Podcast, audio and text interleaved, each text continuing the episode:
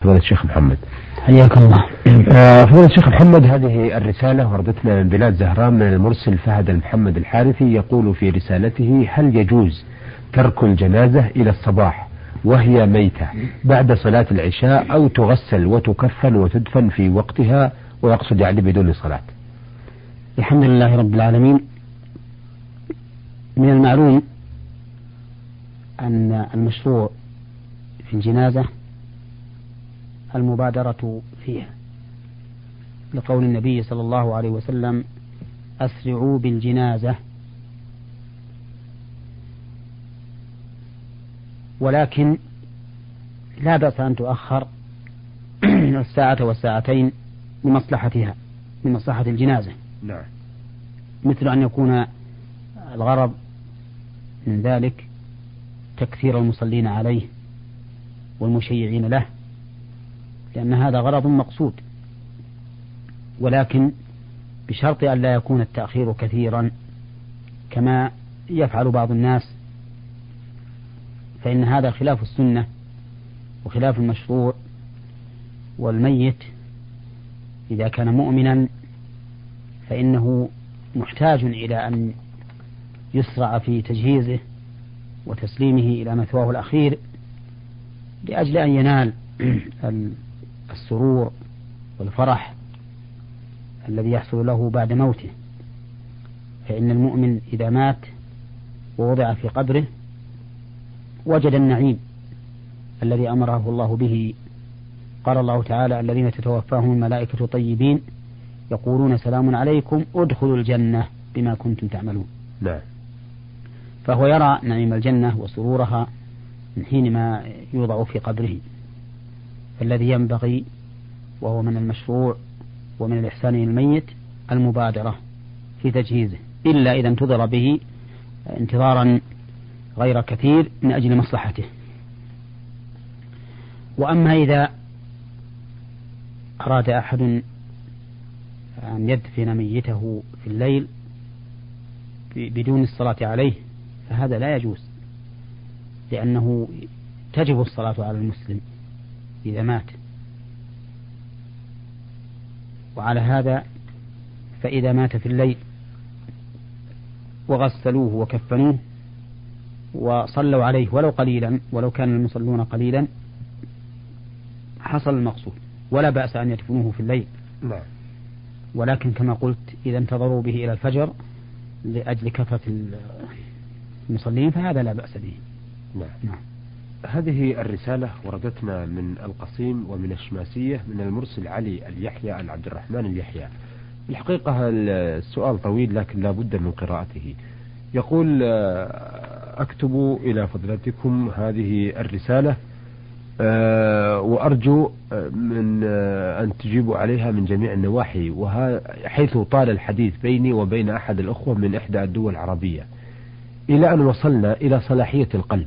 حيث قال هذا الأخ أنه ليس القلب هو الذي يصلح أو يصلح الجسد وجميع الجوارح بدليل أنه لو أجريت عملية نزع قلب إنسان مؤمن واستبداله بقلب كافر لا يؤمن بالله. لم يؤثر عليه هذا القلب الذي هو من الكافر وإنما استمر على إيمانه بالله. هل هذا صحيح؟ حيث أورد علي شبهة كنت منها حائرا وهي أنه إذا كان هذا الحكم صحيح أو الكلام صحيح ما معنى قول الرسول صلى الله عليه وسلم في الحديث ألا وإن في الجسد مضغة إذا صلحت صلح الجسد كله وإذا فسدت فسد الجسد كله وفقكم الله والسلام عليكم ورحمة الله. الحمد لله رب العالمين.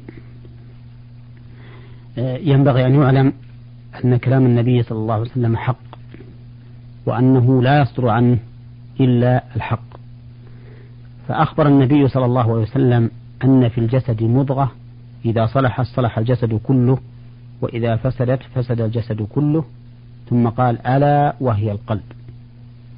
فصدر الجملة المبينة المفسرة لهذه المضغة بألا الدالة على التنبيه والتأكيد إشارة إلى تأكد هذا الأمر وأن هذا القلب إذا صلح صلح الجسد كله. ولكن القلب له مكان.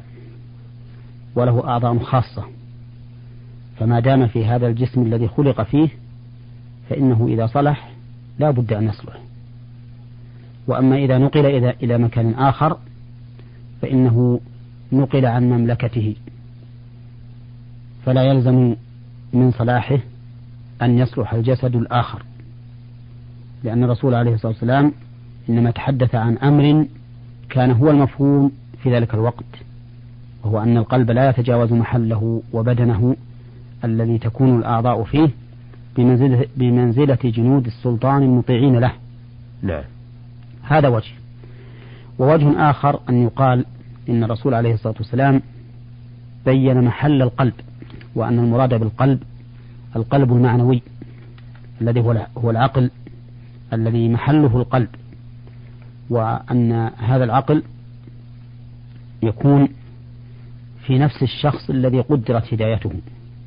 بمعنى أن القوة المعنوية العاقلة في هذا القلب المركب في هذا الجسم هي المدبرة لهذا الجسم.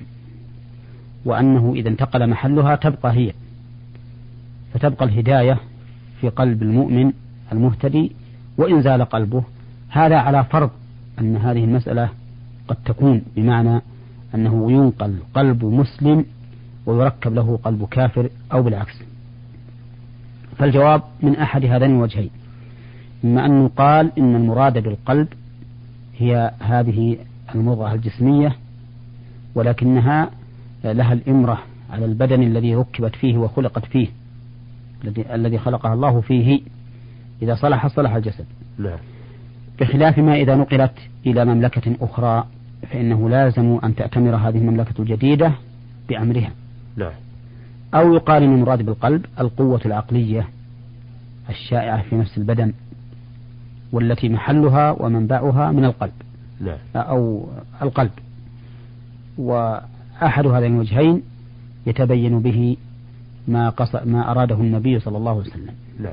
ولا يلزم على أحد هذين الوجهين أن نقول إنه إذا ركب قلب مؤمن في كافر أن يكون هذا الكافر مؤمنا وأنه إذا إذا ركب قلب كافر في مؤمن أن يكون هذا المؤمن كافرا. نعم. نعم. آه، أيضا ألا نقول أنه حتى الآن لم يوجد آه، مسألة تعارض حديث الرسول صلى الله عليه وسلم حيث أنه لم نعرف مؤمنا ركب له قلب كافر فاستمر على إيمانه أو كافر ركب له قلب مؤمن فآمن. إحنا قلنا إذا نعم. إذا وجد هذا. نعم. احتطنا بهذا. نعم. لكن لو فرض أنه وجد ما ندري في الأجيال القادمة نعم. ربما يوجد ربما يوجد هذا في الأجيال القادمة. نعم. فيكون الجواب بأحد الوجهين. نعم. لكن نقول حتى الآن لم يوجد ذلك.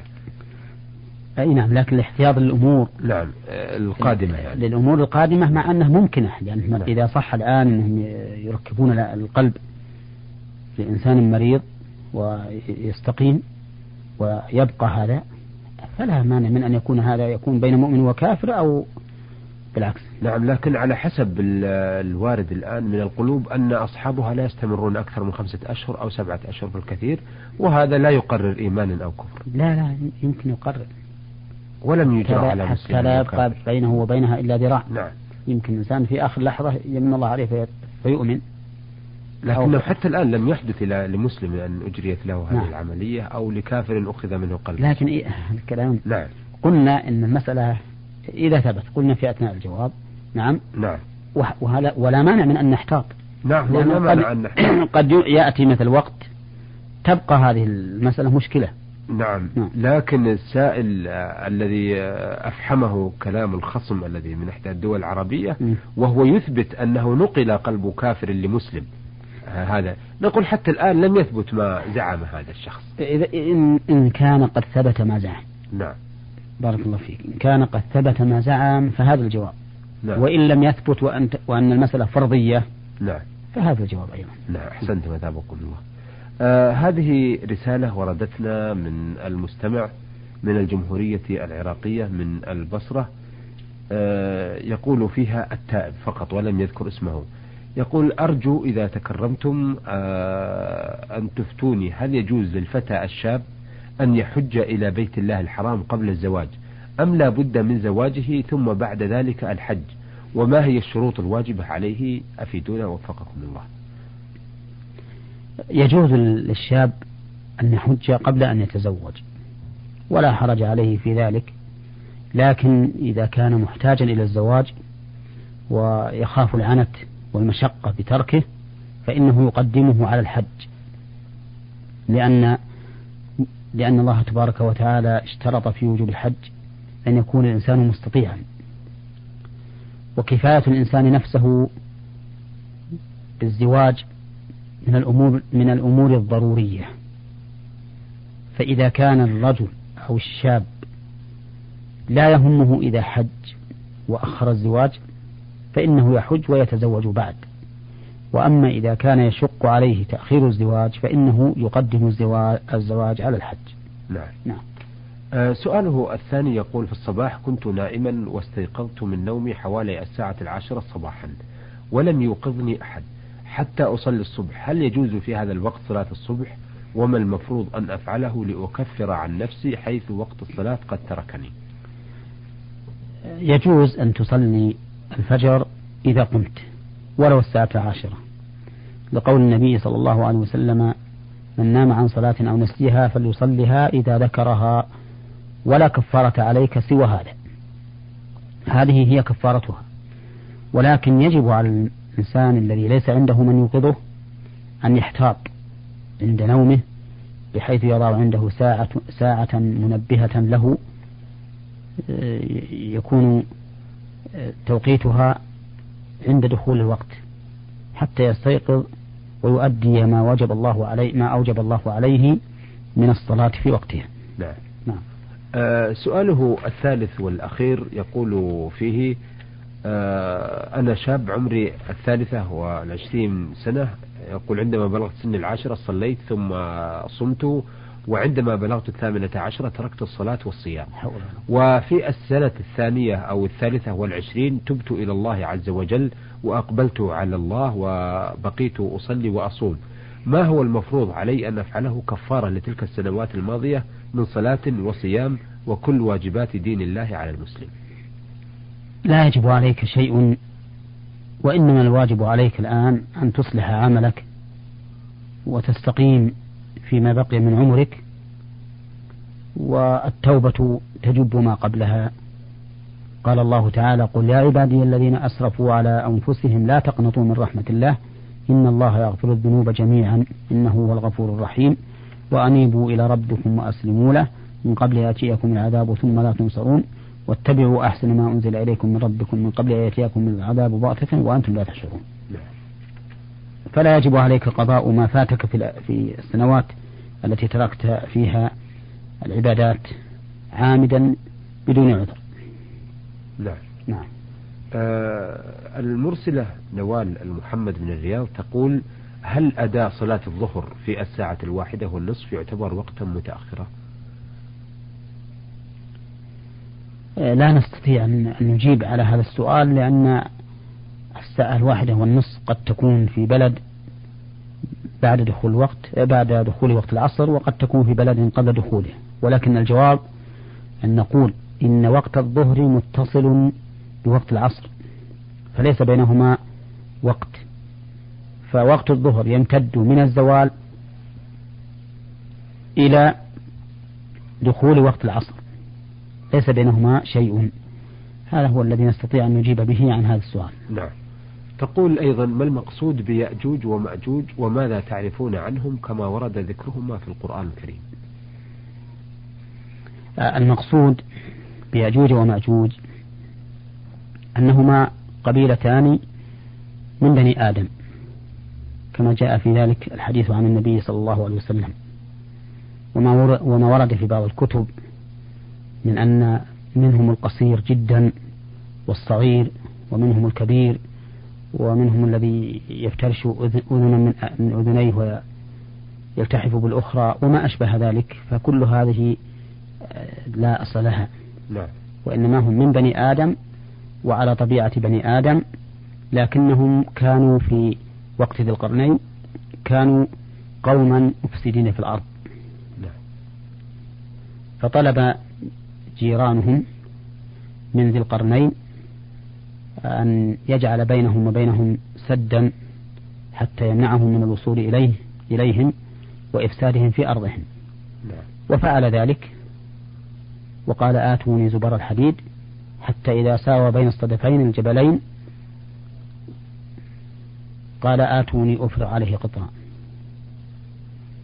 ففعلوا فما استطاعوا أن يظهروه وما استطاعوا له نقبا فكفى الله شر جيرانهم كفى الله جيرانهم شرهم لا. نعم.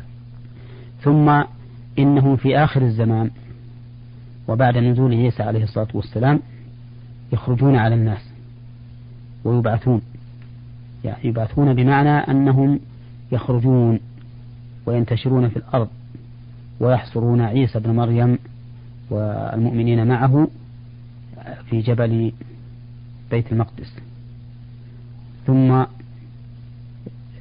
يلقي الله تبارك وتعالى في رقابهم دودة تأكل رقابهم فيصبحون فرس يعني جمع فريسة. نعم. يعني موتى كلهم. ميتة رجل واحد. ويقي الله سبحانه وتعالى عيسى وأصحابه شرهم. نعم, نعم. آه سؤالها آه سؤال الأخت نوال من محمد من الرياض الثالث والأخير تقول أنا إنسانة أقوم الليل في الساعات الأخيرة منه.